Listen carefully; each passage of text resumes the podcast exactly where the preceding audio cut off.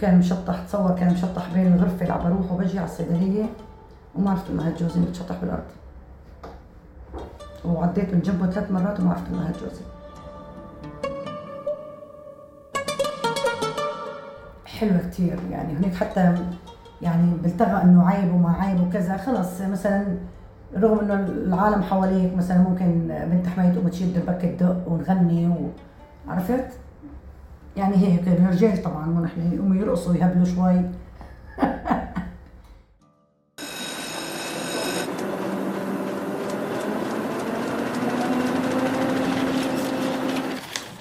عنب بلدي بودكاست.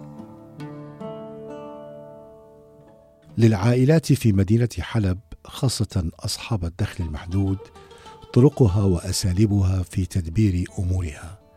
ورغم قلة الدخل فإنك تجدها تهتم بالمناسبات والواجبات الاجتماعية والعائلية بالإضافة إلى السهرات التي يملأها جو الضحك والعزف والغناء وقول الشعر.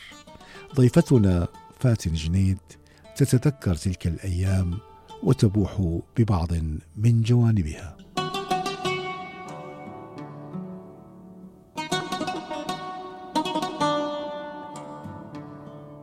هلا بتذكر أبوي مثلا ميت فرنجي.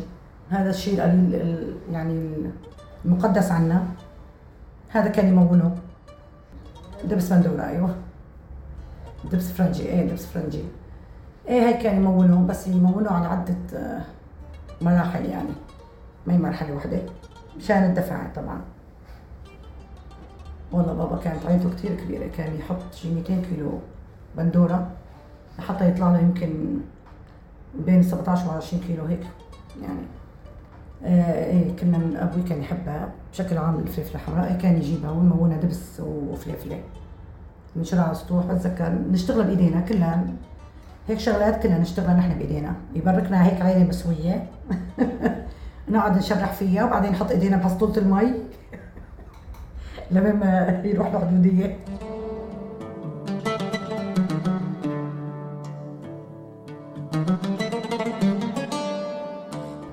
الزيت كان شيء أساسي لأني كان يغني عن مثل ما بيقولوا اللحمة بهذاك الوقت بعض الاكل بعض الأكلات يعني.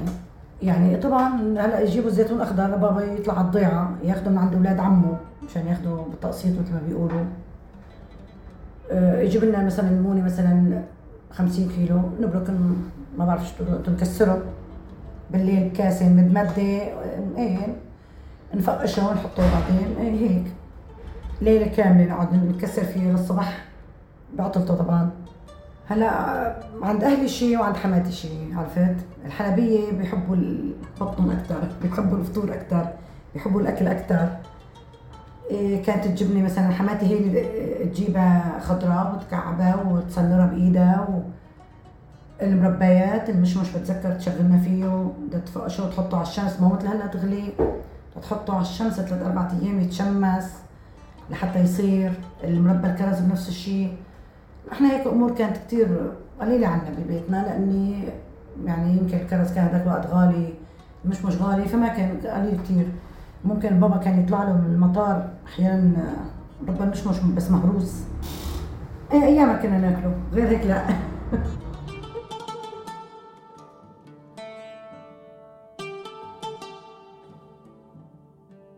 هي المحمرة هي شغلتنا نحن أهل الضيعة أكثر من من الحلبية هي ابوها كان يساويها. هي أمي كانت تشتغل تعجن عجين وتمدها وتسوي لنا اياها كانت محمرة وجنبها زعتر جنبها جبنة إيه ممكن.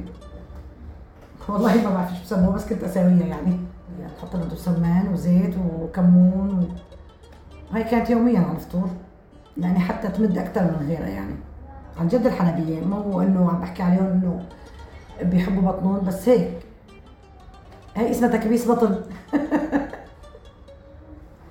هلا بعد مثلا ما يكون طبخة طبخة ثقيله مثلا مثلا ملوخية بعد ما ياكل اللي يروح يجيب لي كعب جبنة ورغيف آه، أكبس بطني. ياخذ كعبين جبنة وزائد طبعا تقطيع إيدينا مو الكعب الكبير اللي وقت نجيبه. كعب تقطيع إيدينا وقت كنا نسرج نسنر الجبنه على الرغيف يقفوا هيك وياكلوا يحطوا لنا نعناعات وياكلوا. آه هي تكبيس بطن. بس كان هو ياكلها يعني عادي ياكلها ويرجع يتعشى بعدها. هي هي غدا بعد ما نرجع الدوام بالأربعة ونص. يرجع يتعشى يتعشى بال- بالتسعة ونص إذا كنت طبخت بكرة. ياكل منها. يعني زمانته المرأة العاملة وقت كان أو بدايتها إنه تطلع وتفوت وهيك لا ما بدها تتحمل العبء الاثنين تطلع فيهم لا ما إلا بركي في البيت. هي كانت كلمة جوزي. إذا قلت له تعبت آه، ساعدني اللي بركي.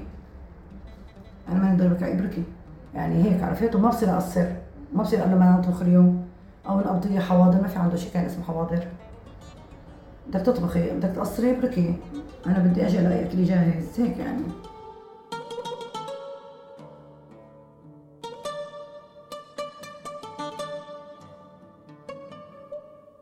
طبعا شقد ما كانت حالتك مادية مش كل سنة تطلع لدية.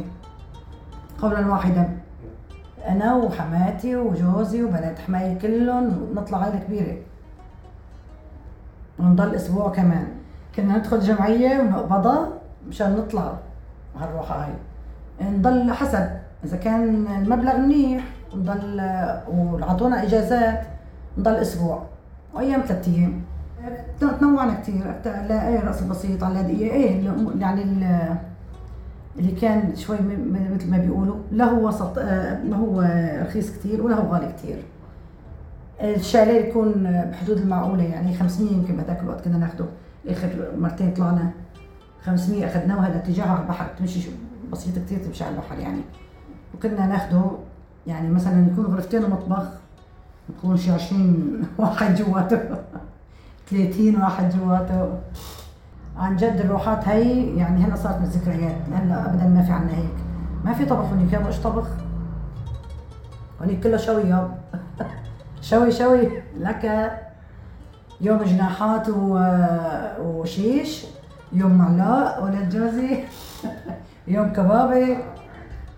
ناخذهم معنا من من حلب ونحطهم بالثلاجات ونطبخ. وجوزي يحب الشوي يعني. ونختمها بالسمك طبعا.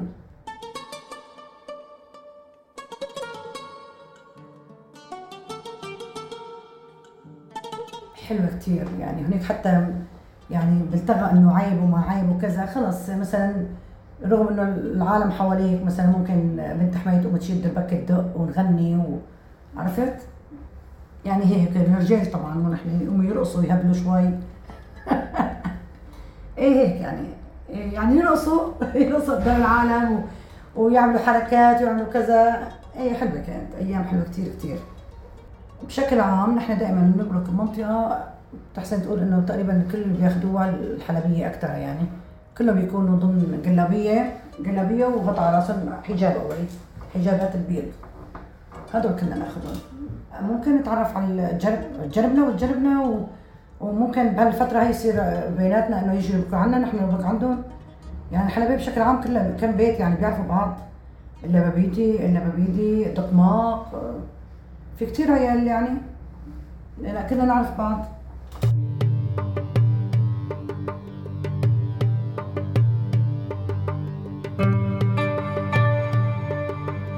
في كل المجتمعات العربية يشيرون إلى من يمتلك مالا أو تجارة بقولهم هذا غني هذا زنجيل أو مليان أو مقتدر.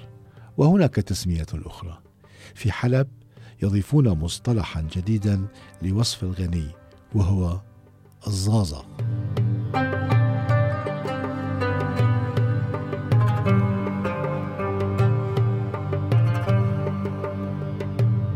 كل شيء عنده. وممكن إذا عزم حدا يمد كتير. يعني هذا هذا زازا يابو مثلا سيارته كبيرة. إيه، عنده محل عم بوزع بوزع فيه يعني أنا بتذكر أولي عن جد كان في محلات بجب القبه جب القبه كان في واحد مثلا يوزع جبنة الثاني يوزع زيت على الفقراء يعرف إنه هي عائله فقيرة. جبنة زيت أحيانا أيام رمضان قبل رمضان يوزعوا مصاري لكل عائله 500 ورقة. يعني كان كان في هيك أمور. هلا آه، كان في واحد اسمه عبد الرحمن شراء الزيت.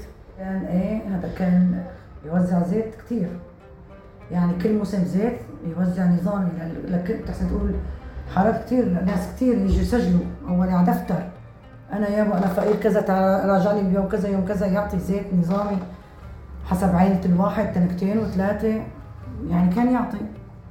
والما عطى زيت كان ممكن يعطي مصاري.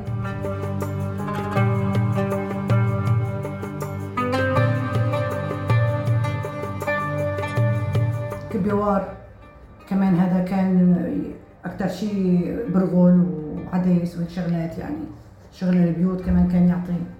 يعني في كثير عيال أنا ما كثير كثير يعني بتعرف هدول أغلب الرجال بيعرفوها بس يعني وقت كانوا يبركوا بالليل يقولوا فلان عطى فلان جاب آه، جارتنا أخذت من عند هاد هيك يعني. يعني هدول لك كانوا يروحوا يسجلوا مثلا إنه أنا والله كنت دائما يكون على حيطة حدا بدكانه مثلا. إنه أنا فقير ومسؤول عن عائله وكذا وهيك. يسجلوا له اسمه وياخذ إيه بينما حيلا حدا يروح يسجل؟ لا ما بعرف شلون. ولا مرة زبطت معي. بعتقد كان يعطي كان فعلا يعرف إنه هذا فعلا فقير هذا إنه فعلا عنده بس بنات. آه، ممكن يعطي. هذا ما عنده سند. هذا شايل أبوه. إيه كان يعطوا إيه وحتى أيام العيال إذا بتتذكر كانت الاضاحي العيال الكبيرة كلها كانت مثلا آه، بتذبح اثنين وثلاثة وتوزع. مصباح العيد توزع على الفقراء. ما في انه مثلا إذا حطوا لهم 2003 حقن ذبيحه هذيك الأيام يعطوا للحارة اللي ساكنين فيها طبعا. مثلا جاري ذبح يعطي اللي حواليه كله مثلا من الجيران يقولوا فلان ذبح ما شاء الله ضحى لأهم السنة ما شاء الله هيك. هلا مثلا هذا اللي بضحي مثلا كل سنة شيء واللي بضحي مثلا كل ثلاث سنين مرة أو شيء يعني. في ناس عندها الأضحية شيء طبيعي يعني كل سنة كل سنة يعني. مثلا يذبح له كل مرة شي عشرة هيك ويوزعون. هذا الزوزة.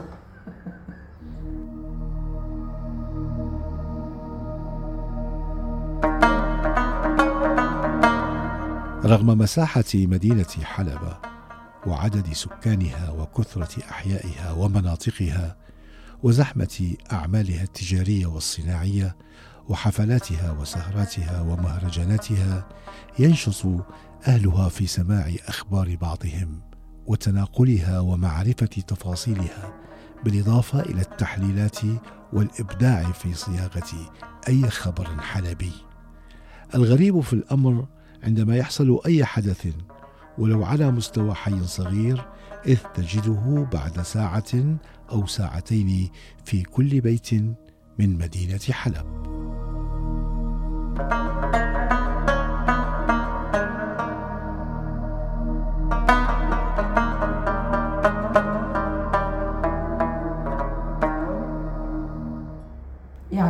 مدينة كبيرة بس العالم تعرف بعض عرفت؟ العالم تعرف بعض خصوصا إذا كان وقت القصة مثلا عند المكان مزدحم مثل ما بيقولوا هلا الشعار كان كل العالم تروح عليها.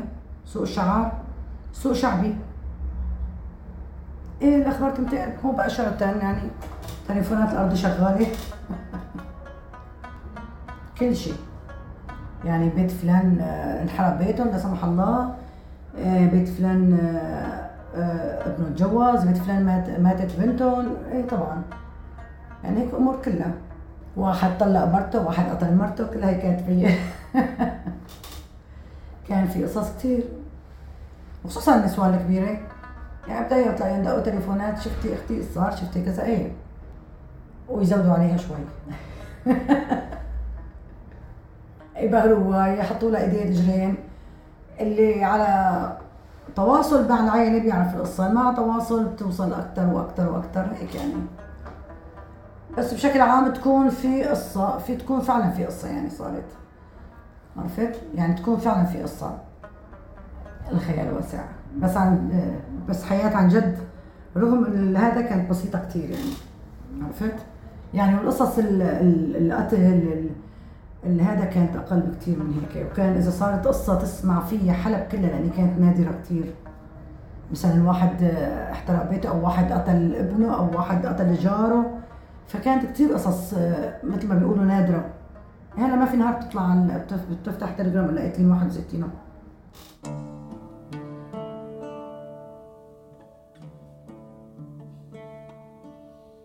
ضيفتنا ممرضة وما زالت تعمل. في المستشفيات والمستوصفات. وعند الحديث عن أيام مضت في مستشفيات حلب تتذكر زملائها وأصدقائها ومديريها.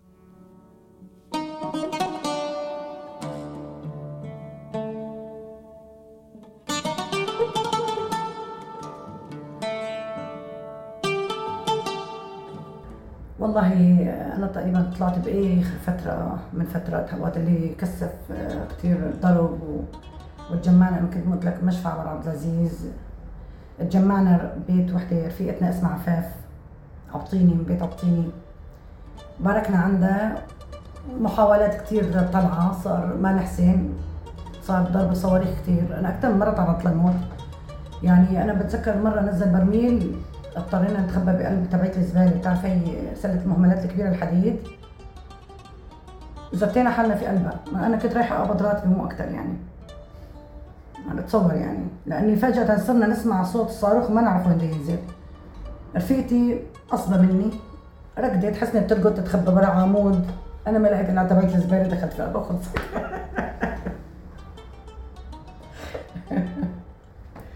إيه لسه القصة القصة اللي بتحس بنفسي جد شوف باركنا عند رفيقتي صرنا أنا وأختها وأختها وأختها كانت نسوان. والدنيا شتاء إذا بتتذكر نحن طلعنا بينا شهر شهر 12 فأنا منيمة بناتي بلزق الباب باب البلكون باب بعدين بلكون والدنيا شتاء. وعلى أساس طلعتنا الساعة 3 بالليل نحاول الطلعة برا حلب. وباركين كلياتنا بجيلاتنا عم نستنى انه تصير الساعة 3 مشان يجي واحد اسمه الدليل يعني إنه هذا بيعرف المناطق شيء طالعنا. فجأة بيجي صاروخ شتاء يعني شايلين صبة ومنيمين هالولاد هيك حوالينا. بيجي صاروخ قوي ما بنشوف إلا الصبة طبت والكهرباء طفت وما عدنا شفنا شيء اتصور بين بناتي والصاروخ شبر. الصاروخ اجى هيك شال البلكون كله وطلع هيك هيك شبر يعني. يعني أكثر مرة تعرضت إني أفقد بناتي والحمد لله. الله سلم لي إياهم. ساعتها قررت قلت لهم بدي أطلع حتى لو هلأ تفجرت بدي أطلع. بتعرف القافلة اللي طلعنا في اللي لازم نطلع فيها الساعة 3 اللي ما طلعنا فيها. كلهم قتلوا كلهم ماتوا. كلهم بكل معنى الكلمة. إي والله. كان هناك في سكة ما سكة بده يطلعوا عن طريق أرض زراعية يعني يروحوا ل يطلعوا لحلب إيه كان بده يطلعوا عن طريق الأرض الزراعيه على ما يبدو إنه على ضوء القداحات أو البيل. لمحتهم طيارة فنزلوا نزل الصاروخ بنصهم قتلوا كل النسوان كان في دليل ذكر واحد والباقي كلهم نسوان واولاد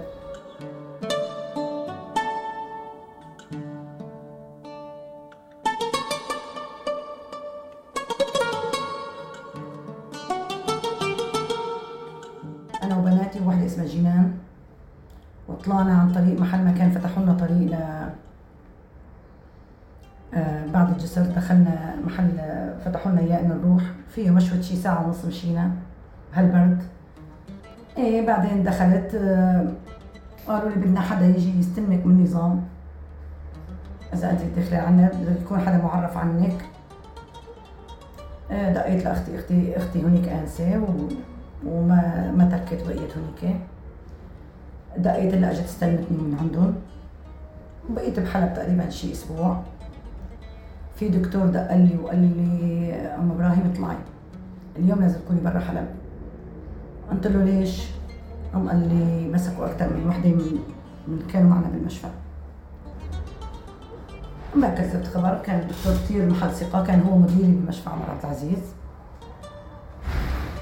كان إنسان كثير محترم وكثير ساعدني بأوقاتي بعد وفاة زوجي وبنات صغار كثير ساعدني.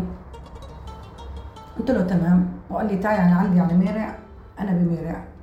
ولقيت لك شغل وتعي لهون استقري انت وبناتك. ابدا هو أنا سمعت له كلمة. بصراحة الساعة 3 بالليل أخذت سيارة. قلت له تحاول تطالعني من غير حواجز بعطيك اللي بدك إياه. أخذ المبلغ اللي بده إياه. وطلعنا وصلنا وصلنا بميرا الحمد لله. ومن وقتها طلعت أنا من حلب. تميت بميرا تقريبا شي خمس سنين. وصل لي هلأ تقريبا بعزاز شي 3 4 هيك شيء 4% 4 من ليره و 4 هون تقريبا هيك. 2016 طلعنا.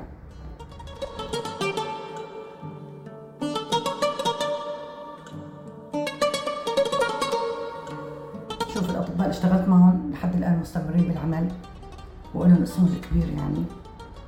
وكلهم كانوا يعني كلهم كانوا مصدر ثقة لي ومحبة وبحبهم صراحة يعني. لأن كثير كثير وقفوا معي. كثير ساعدوني. على رأسهم الدكتور حسين السعيد قلت لك أنا. كان مديري بمشفى عمر عبد العزيز. كثير ساعدني. الدكتور عبد الرحمن عرب غني عن التعريف هلا هو بإدلب كمان. كان من المساعدين كثير إلي.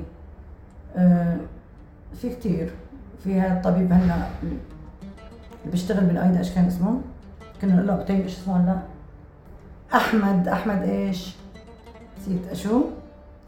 آه دكتور حسين سعيد. طبيب اطفال وهو كان مدير مشفى. هلا في كثير والله نسيتهم كلهم هذا الطبيب الثاني كمان. سبحان الله راح ولا عم بالي هلا ثواني بتذكر لك يعني بس هن من الأطباء مشهد لهم لحد الآن بيشتغلوا يعني بيشتغلوا المحرر عرفت في محمود قناص كان أحد الأطباء اشتغلت معه. في وسيم الدكتور وسيم اللي توفى أحد الأطباء اشتغلت معه. يعني في أطباء كثير كان في وحدة هي اسمها عفاف عبطيني طلعت. كانت جدعه وطلعت. و... وجنان مع إني هي رجعت مسكت بعدين. آه، انحبست لفترة وهلأ رجعت إجت لهون. كان في وحدة طلعت بتب... كانت بت... كان في وحدة طلعت بتبادل اسرى اسمها منال العلي. أخواتها كان آه، لهم آه، باع بالثورة ولهم كذا فحبسوها وطالعوها بتبادل اسرى يعني أخذوا عنا كم أسير قبل ما يطالعوها لانها هي كفتات يعني.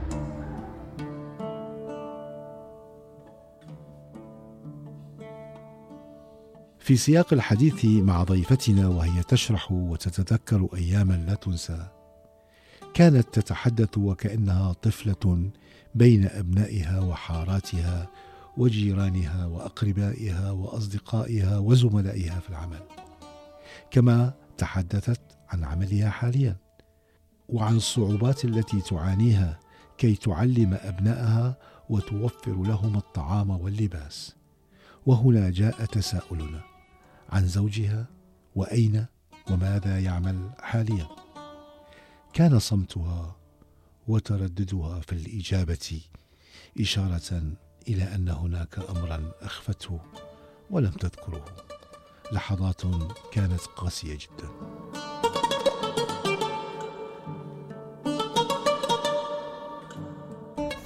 أو بدايات الثورة 2012 تقريبا. عنده وار جسر الحاج الضربة الكبيرة اللي صارت اللي راح فيها 101 تقريبا. جوزي كان من ضمن والله لاني كان أول برميل بنزل بحلب وما حدا بيعرف إيش هذا نزل ولا بيعرفوا إيش يعني لبعدين لحتى صار يقولوا هذا برميل وهذا كذا. وكان لسه سيارات وما سيارات ونزلوا على الجسر. هذا نقطة لقاء بين حلاء بين آه، عدة مناطق. والله قصة كثير يعني معقدة و... وأنا عن جد كل ما بذكرها ببكي لأني أنا كنت مداومة بالمشفى. كنت أشتغل بمشفى عمر عبد العزيز. كان قريب كثير من ضربة الجسر. وكنت أنا مداومة وجابوا لي إياه. وهو جنبي وأنا ماني شايفته. قاعدة عم بسعى في غيره وجوزي جنبي وماني شايفته. تصور يعني ما عرفته. كنت أنا بالغرفة اللي حاطين فيها النساء. كان في مرة عندها جرح بوجهها. عم بخيط لها إياه. آه، صار عندنا بسبب بعض السرقات من الجيوب اللي بيجونا مصابين وقتلى حطوا واحد أمني. أنا بتذكره. صار ياخذ اللي يفتش الجيوب ياخذ محتواها مع الهوية ويعرفهم إذا حدا أجى سأل عليهم آه، يعطيهم إياهم. فكنت جوا فبسمعه وعم بقول مين مع محمد دقاق مين مع محمد دقاق فأنا من جوا بصح له اشبه محمد؟ مين محمد دقاق ولا قال لي هذا اللي هون. كان مشطح تصور كان مشطح بين الغرفة اللي عم بروح وبجي على الصيدلية وما عرفت إنه هاد جوزي متشطح بالأرض. وعديت من جنبه ثلاث مرات وما عرفت إنه هاد جوزي كانت إصابته بقاعات الجمجمة. آه، بتعرف أنت الواحد إذا متعرض لبرميل شعره كله واقف غبرة الدم بقاعات الجمجمه مغسله قميصه متغير لونه. فما عرفت أنها جوزي ابدا. لوقت اللي طلعت لبرا فهو كانت ضربته مميتة فالضربات مميتة ما كانوا يسعفوها أبدا. كانوا يروحوا يصرفوا مين؟ يصرفوا اللي حالته ممكن تسمح إنه يشفوا بس ضربته قاتلة كانوا يحطوه على طرف لبين ما يخلصوا إسعاف الثاني فكانوا حاطينه هو من ضمن الموتى يعني. إنه هذا ضربته قاتله حطوه على طرف. وقت اللي طلعت ما بتذكر حالي إلا بس إنه صح إنه جوزي وقعت بالأرض. فقت لقيته مطالعينه على عيني لأنه يعرفوه طبعا إنه جوز رفيقتهم مطالعينه على عيني منبه. آه، بعد طبعا بعد ما صحيت طالعوني لعنده. بعد ما دخل شي بساعة قالوا لي تركيا إيه طلعنا فيها على تركيا تم 14 يوم. جبته ودفنته هون. الحمد لله كل حال.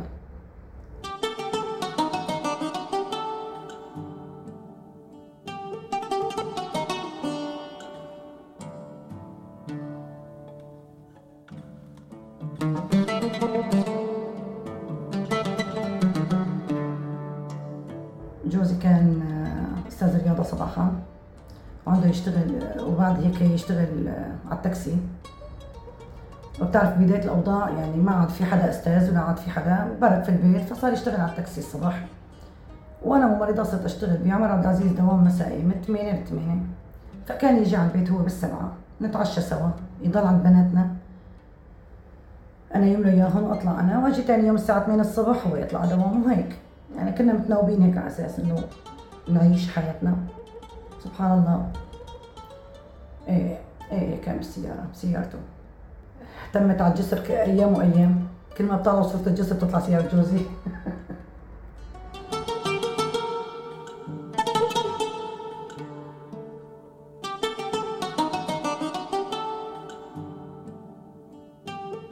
ابدا وما بحب أذكرها صراحة لأني عشت الأمرين بعد وفاته.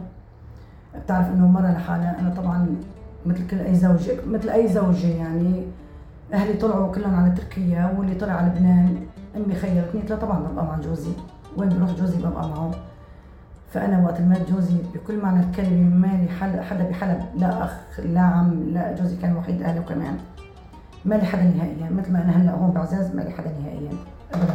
إيه، فما عندي صبي. وما ما عندي غير بنتين صغار. أنا جوزي وقت توفى بناتي وحدة ثلاثة ووحده أربعة ونص تقريبا. إيه يلا يلا. هتذكرت إني أربيهم يا زلمة. بنتي صارت هلا وحده بدها تدخل بال 16 الله يخلي لك اولادك هلا بالشهر العاشر. والثاني بعد شيء على الشهر الواحد بتدخل بال 14 إن شاء الله.